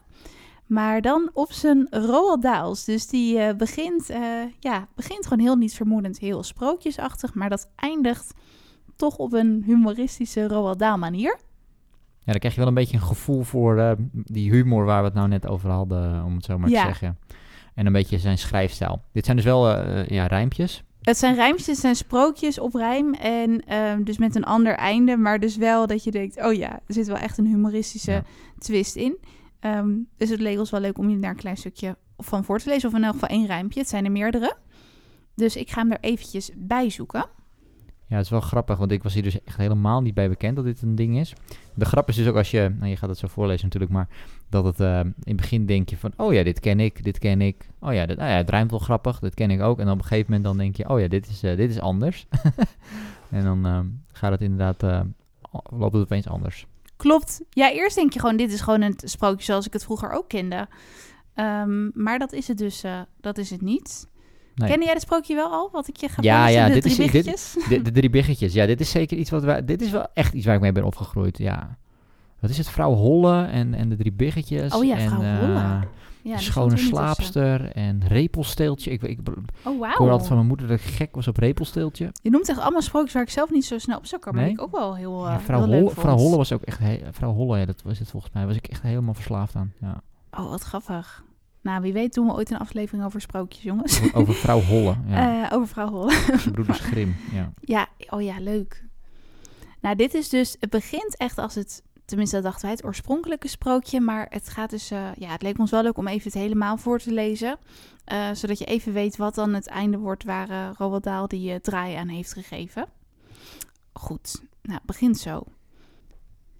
Het dier dat ik het leukste vind, is de big, dat varkenskind. Biggen zijn snugger, biggen zijn kien, edel en deftig, hoewel, je zult zien. Soms, als uitzondering op de regel, kom je een oliedom biggetje tegen. Wat zou je zeggen als je op een dag een strooien biggenhuisje zag? De wolf, die zo'n huis zag staan, likte zijn lippen. Die big gaat eraan. Biggetje big, doe open en vlug. Nee, voor geen goud, riep het biggetje terug. Dan zal ik stormen en razen en je huisje opblazen. Het biggertje bibberde en bad. Maar daar blies de wolf zijn huisje plat. Ha, riep hij, varkens, kluif en spek, dat is allemaal lang niet gek. Hij schrokte hem op met grote haast en bewaarde zijn staartje voor het laatst. Een tikje gezwollen liep Wolf door. En wat kwam hij tegen? Ja hoor, een biggenhuisje wankel en wrak en dit keer gemaakt van teen en tak. Biggetje big, doe open en vlug. Nee, voor geen goud, riep het biggetje terug. Dan zal ik stormen en razen en je huisje opblazen. Oké, zei de wolf, daar gaat hij dan. En blies zo hard als een wolf maar kan. Het biggetje gilde, heb medelij, je buik is al vol, kan toch niks meer bij? We kunnen er toch over praten, riep hij. Dat zou je wel willen, makker, zei wolf en verslond de stakker. Twee malse varkentjes, riep de rover, en nog heb ik een plaatsje over. Hij wreef zijn uitpuilende maag en zei: Ik eet nu eenmaal graag. Toen sloop hij stilletjes als een muis al naar het derde biggenhuis. En daar was ook een biggetje dat ontzettend in de piepzak zat. Maar nu liep het heel anders, want de big was slim en bij de hand. Voor hem geen stro en ook geen hout. Hij had zijn huis van steen gebouwd. Mij krijg je niet, riep Big kordaat. Ik blaas je plat, brulde Wolf kwaad. Oh ja? Dan heb jij, ouwe jongen, wel een paar supersterke longen. En wat de wolf ook blies en blies, Het was heus allemaal voor niets. Nou ja, dan blaas ik je niet om, maar op, zei Wolf met woest gegrom. Vannacht, als je geen barst meer ziet, blaas ik je op met dynamiet. Jij schoft, riep Big. Doe je dat echt? Oh, wat ben je toch afschuwelijk slecht. Hij heeft geschrokken en ontsteld meteen Roodkapje opgebeld. Hallo, riep zij. Hallo, wie is dat? Oh, Big, ben jij het? Is er wat? Big riep. Oh, help, mijn juffrouw Kapje. Oh, alstublieft, het is geen grapje. Natuurlijk, zei ze levendig. Wat is er dan? Een wolf, riep Big. Wilt u mij helpen? Ik hoorde dat, meer, dat u meer met wolven te doen hebt gehad. O bovenste beste Big, riep zij. Dat is mijn liefste liefhebberij.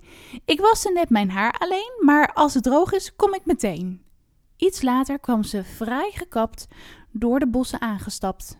Daar stond Wolf voorovergebogen met zijn gele gloeiende ogen, laag bij de grond, klaar voor de sprong, terwijl de kwel droop van zijn tong. Weer trekt het meisje in een wipje de revolver uit haar slipje en schiet de wolf ongelogen precies tussen zijn gele ogen. Big, die stond te kijken van achter de ruiten, juichte bravo en rende naar buiten. O Big, weet dat je op moet passen voor dames uit de hoogste klasse. Niet alleen loopt er kapje nu rond in twee jassen van wolvenbond, ook draagt zij vaak, het spijt me zeer, een weekendtas van varkensleer. Nou ja, dat is dan weer een beetje zo'n gruwelijk einde. Dat je denkt van, eh, oké, dit zag ik niet helemaal aankomen. Want het begint echt als zo'n heel onschuldig sprookje. Ja, maar het is wel, ja, wel grappig vond ik het. Vind ik het.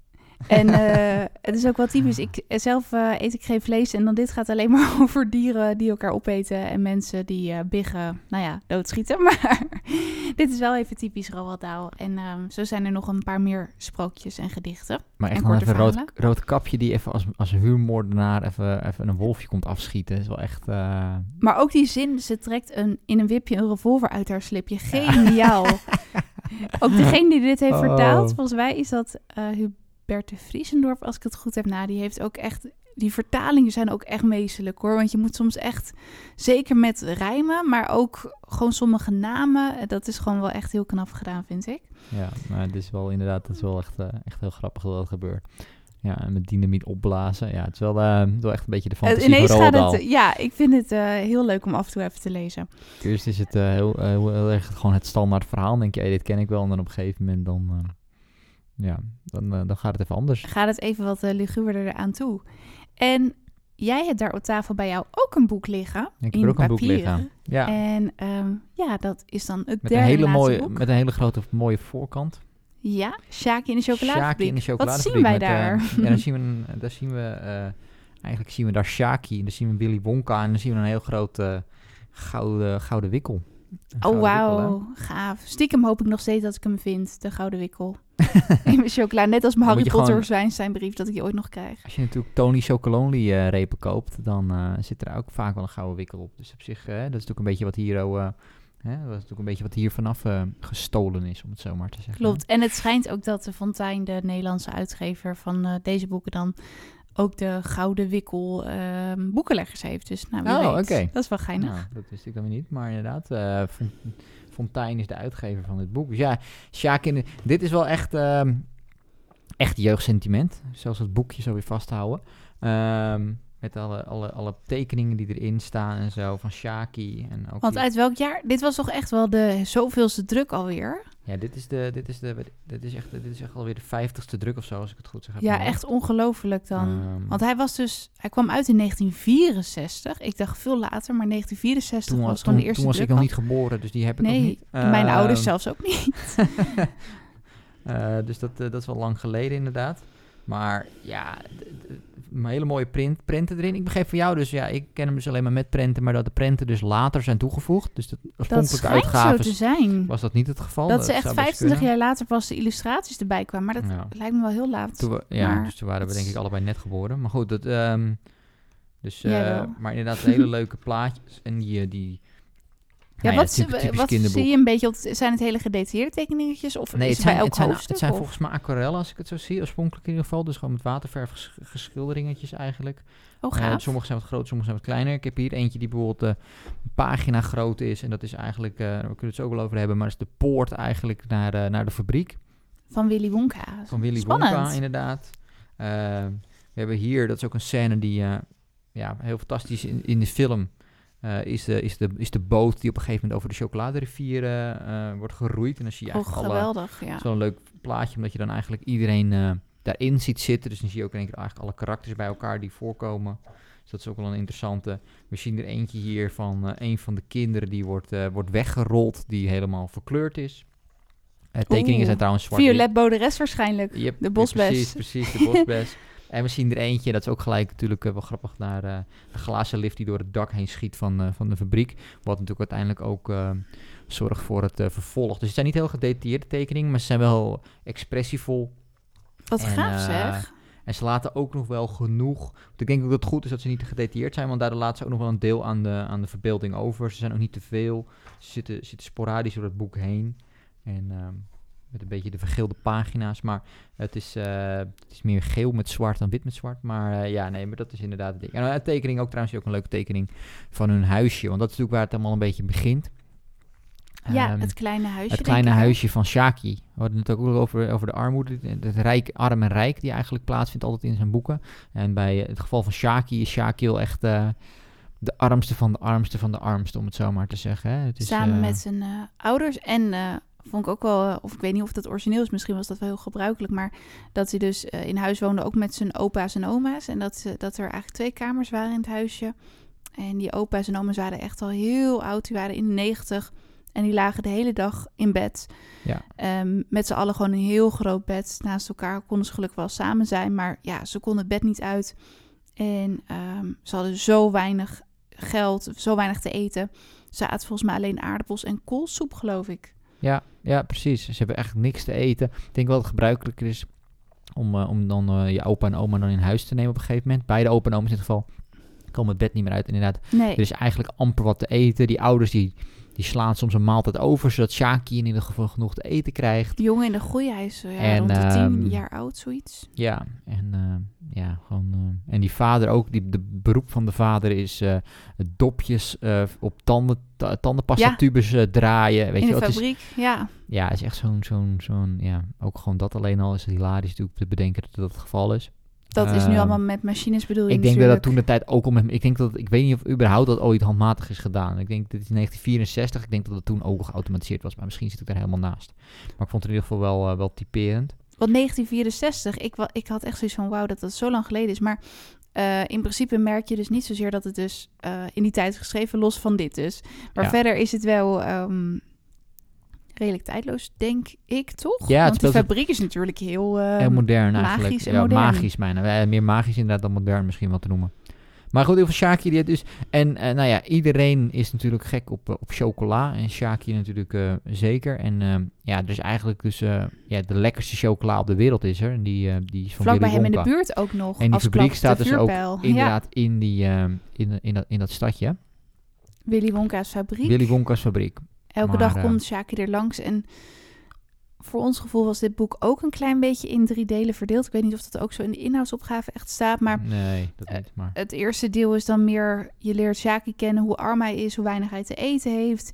Dat hij dus dol is op chocola. Dat hij ook voor zijn verjaardag altijd eh chocoladereep krijgt. En dat hij daar gewoon het hele jaar heel zuinig mee doet. ja, dus hij krijgt één chocoladereep eigenlijk. En die, eh, die gebruikt hij het hele jaar eigenlijk om te eten. Dus daar eet hij Klopt. allemaal kleine, langzaam Ja. kleine stukjes van. En die krijgt hij dan altijd voor zijn verjaardag. Die deelt hij dan... Hij wil het ook wel delen met zijn grootouders. En eh, nou ja, die, die gunnen dat hem natuurlijk. Ja. En ja, dan En de fabriek van, van, van Shaki staat dus in, in, in, dat, in dat stadje van Willy wordt ooit Wonka. van. En die, die oma die zegt dan op een gegeven moment ook, en die opa's die zeggen van, hé, er is eigenlijk wel iets bijzonders mee, is het wel eens Klopt. opgevallen? Er gaat eigenlijk niemand de fabriek in of uit. Dus ehm, die Terwijl fabriek er wel er, chocola wordt vervaardigd en allemaal producten. enorm hoeveelheid chocola wordt er geproduceerd, maar er is alleen één plek waar vrachtwagens worden geladen en gelost. En that's it. En daar zijn ook geen mensen zichtbaar. Dus hoe kan het dan dat al die chocolade voorbij komt? Want vroeger waren er wel werk, medewerkers, maar die probeerden het recept te stelen van de chocola of andere recepten die hij had. En toen heeft hij eigenlijk de hele fabriek gesloten. Nou ja, dus Ja. dat eh, is wel een Opa beetje Jacob weet er veel over te vertellen. Ja. Die, eh, nou ja, die weet er heel veel van. Dat, eh, en die weet ook veel te vertellen over die magische dingen die Wilkie, eh Wilkie Wonka, ja hoor, die Willy Wonka maakt. Ja. Bijvoorbeeld ehm ja, chocoladeijs dat op een hete dag gewoon in de zon kan blijven liggen wat niet smelt. Ja, En dat door die spionnen werd dat dus allemaal doorgebriefd aan chocolademakers. En wat ik dus las, ik weet niet of het echt zo is, maar het schijnt dat in die tijd, rond 1920, dat er toen echt ook zoveel concurrentie was met het maken van chocola, dat daar dus echt ook spionnen waren. Dus dat Roald het er een beetje eh, nou ja, op realiteit heeft gebaseerd. Eh, dat is dan denk ik ook het enige wat op realiteit is gebaseerd. ja verder zijn weinige, die, denk eh, ik, ja. Uitvindingen vrij, ehm, nou ja, magisch, wat we al zeiden. Ja, dus hij heeft inderdaad kauwgom dat geen smaak verliest als je erop koudt. En het is allemaal een beetje dat soort dingen. Ja, En ja, he- ja, heel veel van dat soort dingen. Echt geweldig. En op een dag, op een bepaalde dag, dan verschijnt volgens mij in de krant een artikel ehm, dat er vijf felbegeerde gouden wikkels komen over de hele wereld voor kinderen in een chocoladereep verstopt. En degene die die wikkel vindt, die mag dan ehm, ja, als enige samen dus met vier andere bezoekers die fabriek betreden. En iedereen die wil dat. Dus is één grote heisa overal. ja dus en de fabriek betreden en je krijgt eh, een levenslang eh, hoeveelheid eh, aan snoepgoed. Ook dat nog eens, ja. Ook dat nog. Dus, ehm, want het lijkt ook wel een beweegreden te zijn voor Shaki. Hè? Shaki wil en graag de fabriek zien, maar het lijkt ook wel alsof hij dat wil winnen, zodat ook die hele familie eh, eindelijk genoeg te eten heeft. Het is een beetje, eh, Ja. dat is denk ik wel slim gedaan, want daardoor heeft, zit er een stukje in voor, voor Shaki zelf, maar dat hij ook Shaki betere leven wil voor zijn hele familie. Dat is ook belangrijk. Ja, en ze worden ook steeds armer helaas. Die vader verliest ook zijn baan Ja. nog eens. En nou ja, in de krant lees je ondertussen dat heel verwende kinderen gewoon die gouden wikkels krijgen. Eh, dat sommige ouders zelfs allemaal eh, mensen hebben ingehuurd om die wikkels eraf te halen. Ja, dus één voor één krijgen we inderdaad. Daarna worden één voor één eigenlijk, dat is op zich wel slim natuurlijk. één voor één worden we geïntroduceerd aan de karakters. Hè, dus één meisje inderdaad, die, is, eh, die heeft hele rijke ouders. En die, eh, die wil alles, die wil die gouden wikkel. En die, ouder, die vader die koopt eigenlijk alle chocoladerepen op die die kan krijgen. En laat daarna die wikkels zoeken. Net zolang dat zij een wikkel vindt. Vurica Peper, ja. Ja. En dan hebben we, je vertelde net al even over de Violet Ja. Boderes. Ook wel een heel origineel karakter. Die eh koudt altijd op een stukje kauwgom. En eh, toch heel- had ze die ja. gouden wikkel gevonden. Die is Dus- heel competitief, hè? die wil altijd met alles winnen. En Ja. die, eh, die wil het wereldrecord kauwgom kauwen winnen. Dus die Ja. koudt heel veel op een stukje kauwgom. Heel smerig. Ja, Die heb je dan, wel grappig, want dan heb je dus twee meisjes en dan heb je weer twee jongens. Eh, Ja. Joris TV en Jochie dat de hele dag achter de tv zit naar schietfilms te kijken. En dan heb je nog Casper Die Slok. allemaal, die allemaal plastic pistolen om hem heen heeft gewikkeld, eh, in zijn kleding heeft en et cetera. Wat ook wel grappig is natuurlijk inderdaad. En dan de laatste inderdaad, die, eh, een, een, een- Casper Slok, een wat eh, jongen die heel veel eet. en die wat- slokt alles op. Die slokt alles letterlijk op. Ook die Ja. namen die hij eraan heeft gegeven is wel weer grappig. Ja, en dus die, die eet eigenlijk de hele dag heel veel verschillende repen.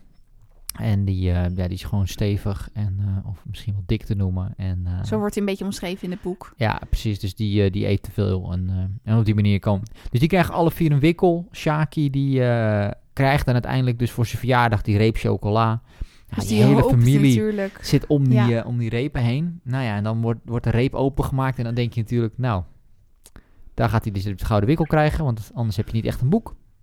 En dan Toch niet. toch niet. Er zit geen gouden wikkel in. Dus het hele, hele zootje. Iedereen is, ja, teleurgesteld, maar ook niet teleurgesteld. Je, daar, dat schrijft hij ook wel mooi, vind ik. Dat hij dan zegt van, ja, weet je, wees blij. Weet je, je hebt niet gewonnen, maar je hebt wel gewoon een, een hele mooie reep chocola zoals je die ieder jaar krijgt Precies. en wil. En geniet daar gewoon van. En je ziet ook dat hij, dus dat, schrijft hij wel goed. En Shaki lijkt dan ook wel genoegen te nemen met alleen de chocoladereep. Maar, Wel schattig ook dat dan later zijn opa, die heeft dan nog ergens een beschuittrommeltje of zo wat kwartjes eh, verzameld. En dan gaat hij dus repen kopen.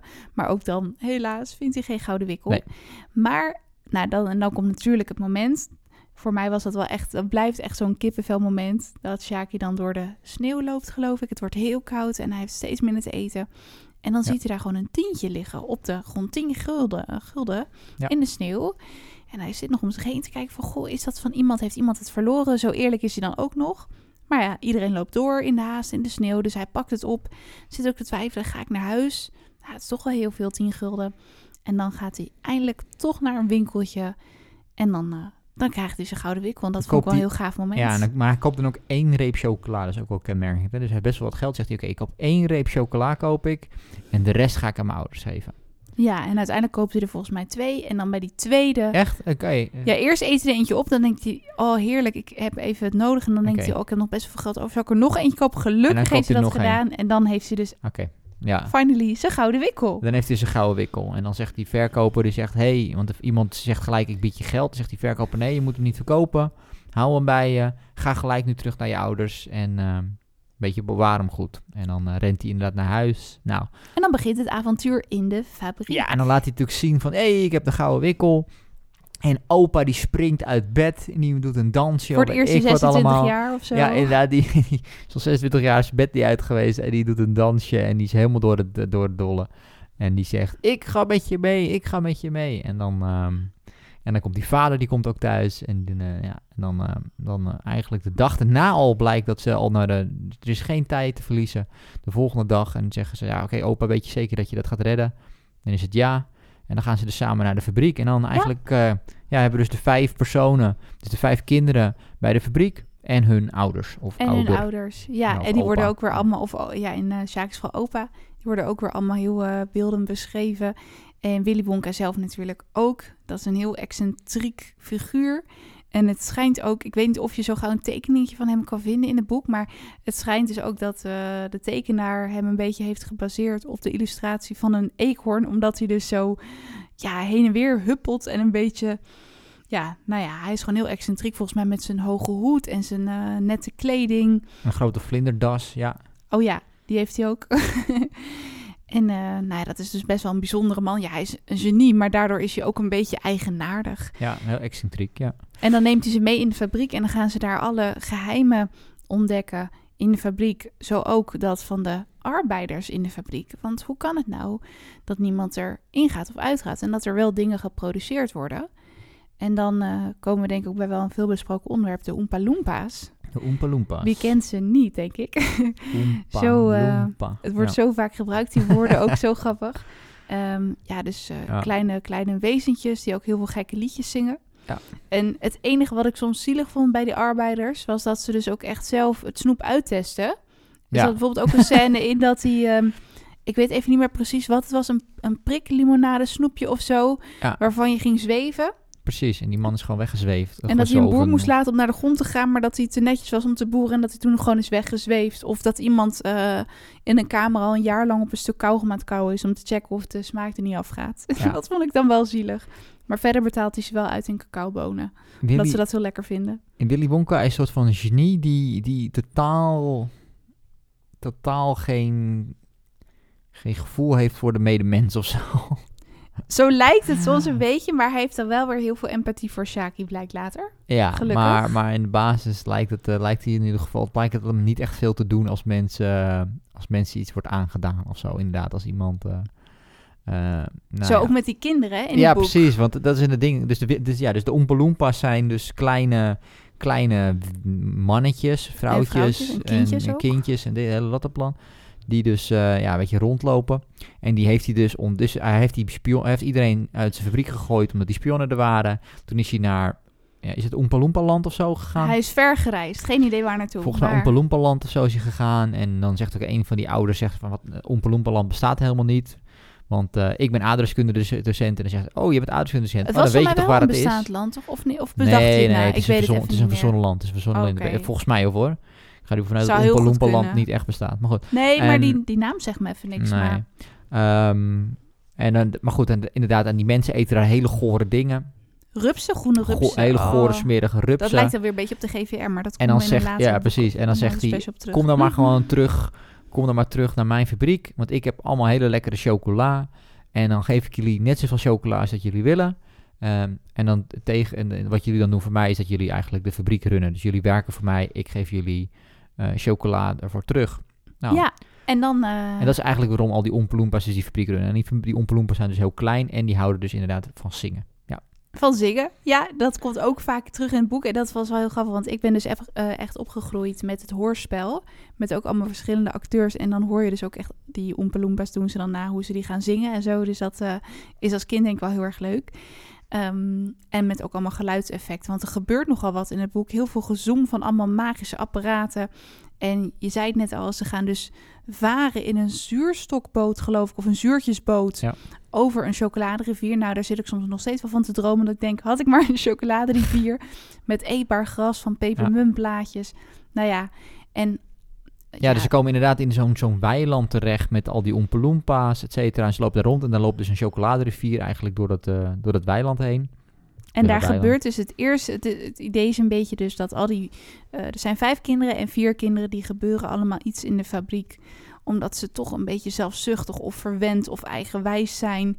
En zo valt er steeds eentje af. ja, dus het Ehm, eerste jongetje, dat is eigenlijk die, die jongen die, eh, die veel te veel eet eigenlijk, die niet zichzelf kan inhouden. Casper Slok, ja, Ja, die en slokt, die wordt letterlijk opgeslokt. Ja, die wordt letterlijk opgeslokt. Dus dan zegt Willy Wonka zelf nog van, eet nou niet en drink nou niet van die rivier, want die rivier is met chocola en daar moeten andere mensen nog van eten. En eh, dus dat mag je, daar mag je niet aan zitten. En hij gaat daarvan eh, zitten drinken, van die warme chocomelrivier.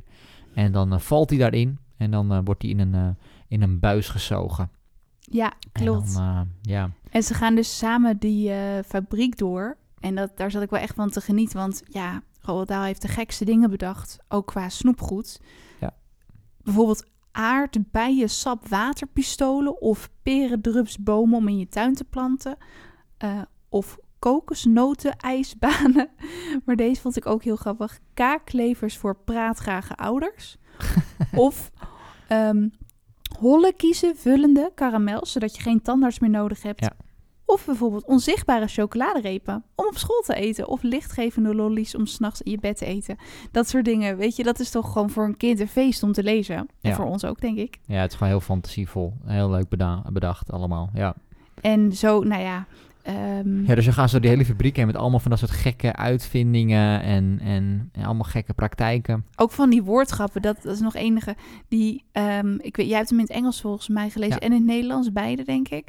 Ehm, Daar hadden ze toch op een gegeven moment over toffees, of ik weet niet of het nou per se toffees waren, maar toffees die rondschijnen. Maar die toffees waren vierkant, maar die hadden een rond raampje. Ja, ja, klopt, ja. En dan had hij zo'n zo'n woorden frustratie met die ouderen. Zeggen, hè, ze schijnen helemaal niet rond, ze zijn toch vierkant?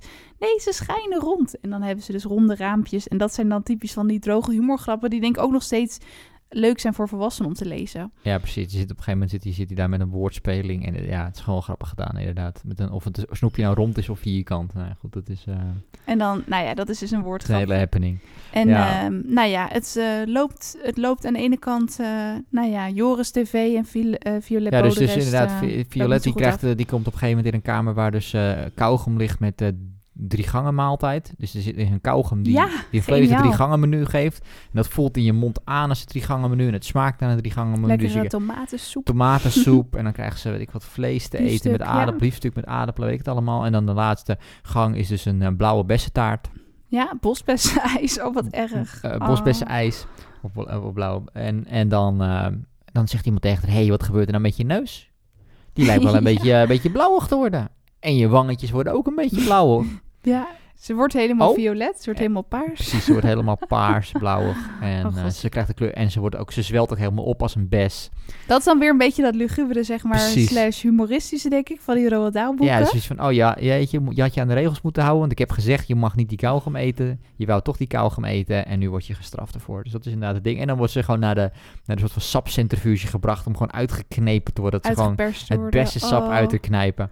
En dan zegt die moeder ook, oh nee toch, wordt ze wel weer normaal? Zegt hij, ah ja, ze wordt redelijk normaal, ze blijft alleen paars. Maar En dat dan- staat er vast prachtig, Het want ze heeft toch ook violet? ja, Oh, wat echt fantastisch, inderdaad. En dan heb je inderdaad die jongen die dus de hele tijd eh, eh, tv kijkt. En heeft hij dus Ja. een uitvinding gedaan om dus, nou ja... eh, Is er, eh, eigenlijk Ook dat je televisie apart. kan kijken en dat je dan dus... eh, hij zegt van ja, je kunt natuurlijk eh, mensen eigenlijk eh, eh, op televisie zien. Dus waarom kan je dan niet eh, iets van televisie afpakken? Dus waarom kan je niet de chocoladereep uit een tv-commercial pakken? Dus dat is wat ik gemaakt heb. En dan zegt hij, nee, dat kan toch niet? Hij zegt, het enige wat het probleem is, dat iedereen op je televisie altijd veel kleiner is dan in het echt.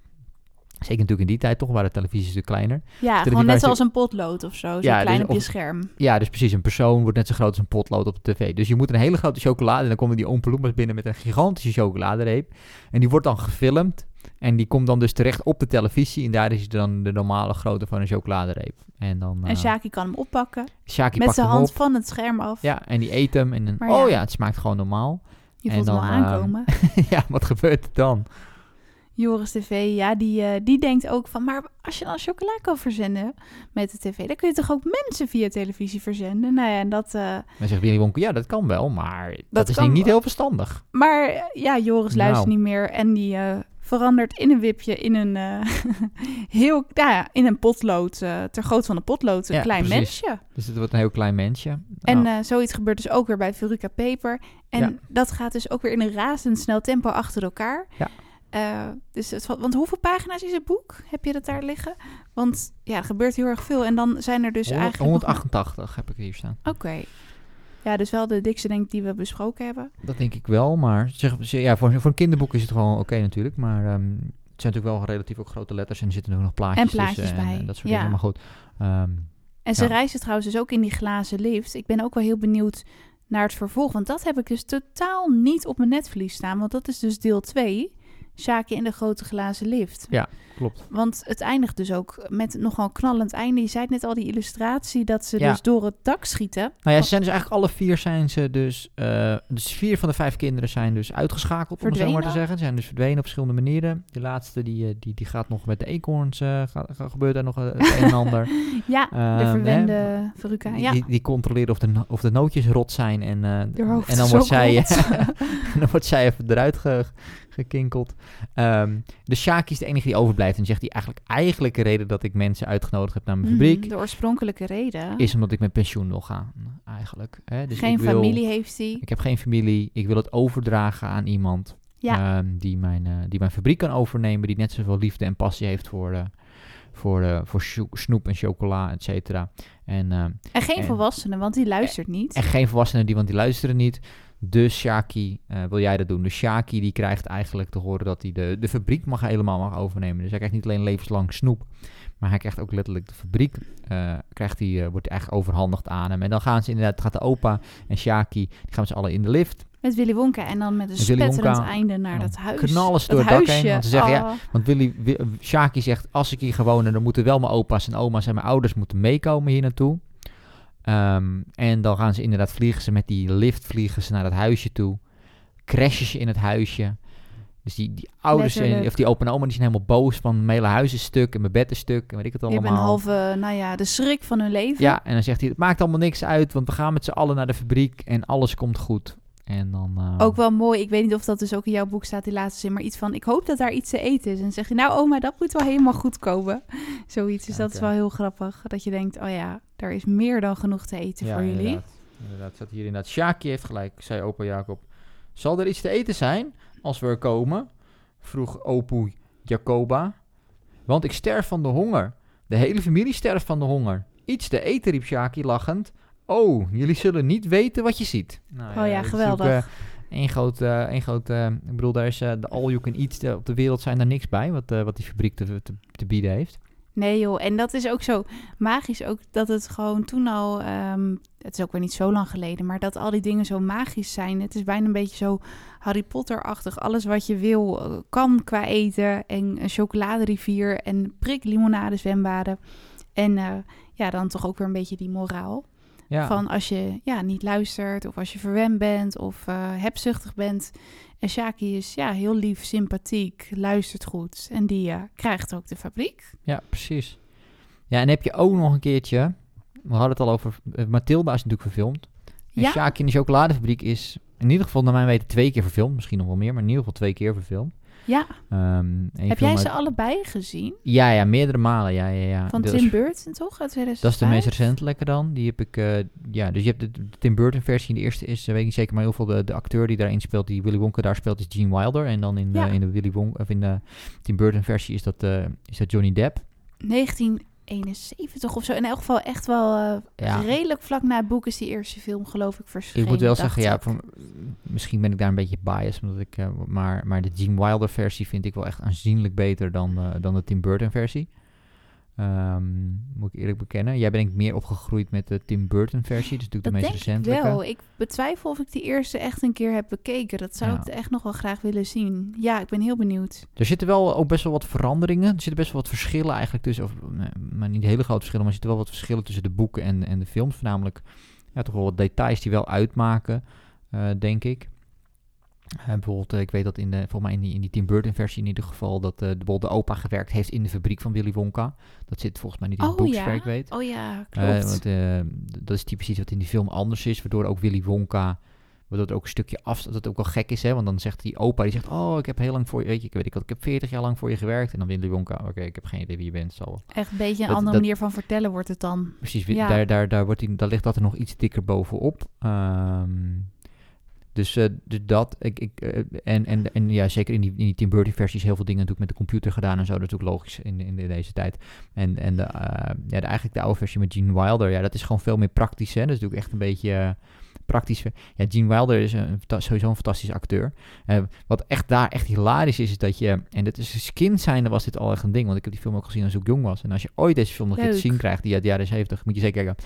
Eh, het is zeker een aanrader om te kijken. Er zit op een gegeven moment die scène in. aan. Je had het net ook al over, omdat ze over die chocoladerivier gaan met die boot. Dus dan roeien al die Oompa Loompas, die roeien dus allemaal. Geweldige scène lijkt me Oh, dat. En dan ja. zie je dus eigenlijk allemaal soort van, ja, het is natuurlijk jaren 70, dus we zijn nog een beetje in de hippie tijd. Je ziet allemaal soort van hallucinaties rondvliegen en zo. Dat zit volgens mij echt- niet echt in het boek en het zit al, ook niet in de nieuwe versie, als ik het goed herinner. En dan op een gegeven moment letterlijk gewoon een hoofd van een kip afgehakt in een shot Oké, daar. dat is een beetje random misschien, maar ook wel Als, grappig. als je dat als kind ziet, dan denk je echt, oké, wat?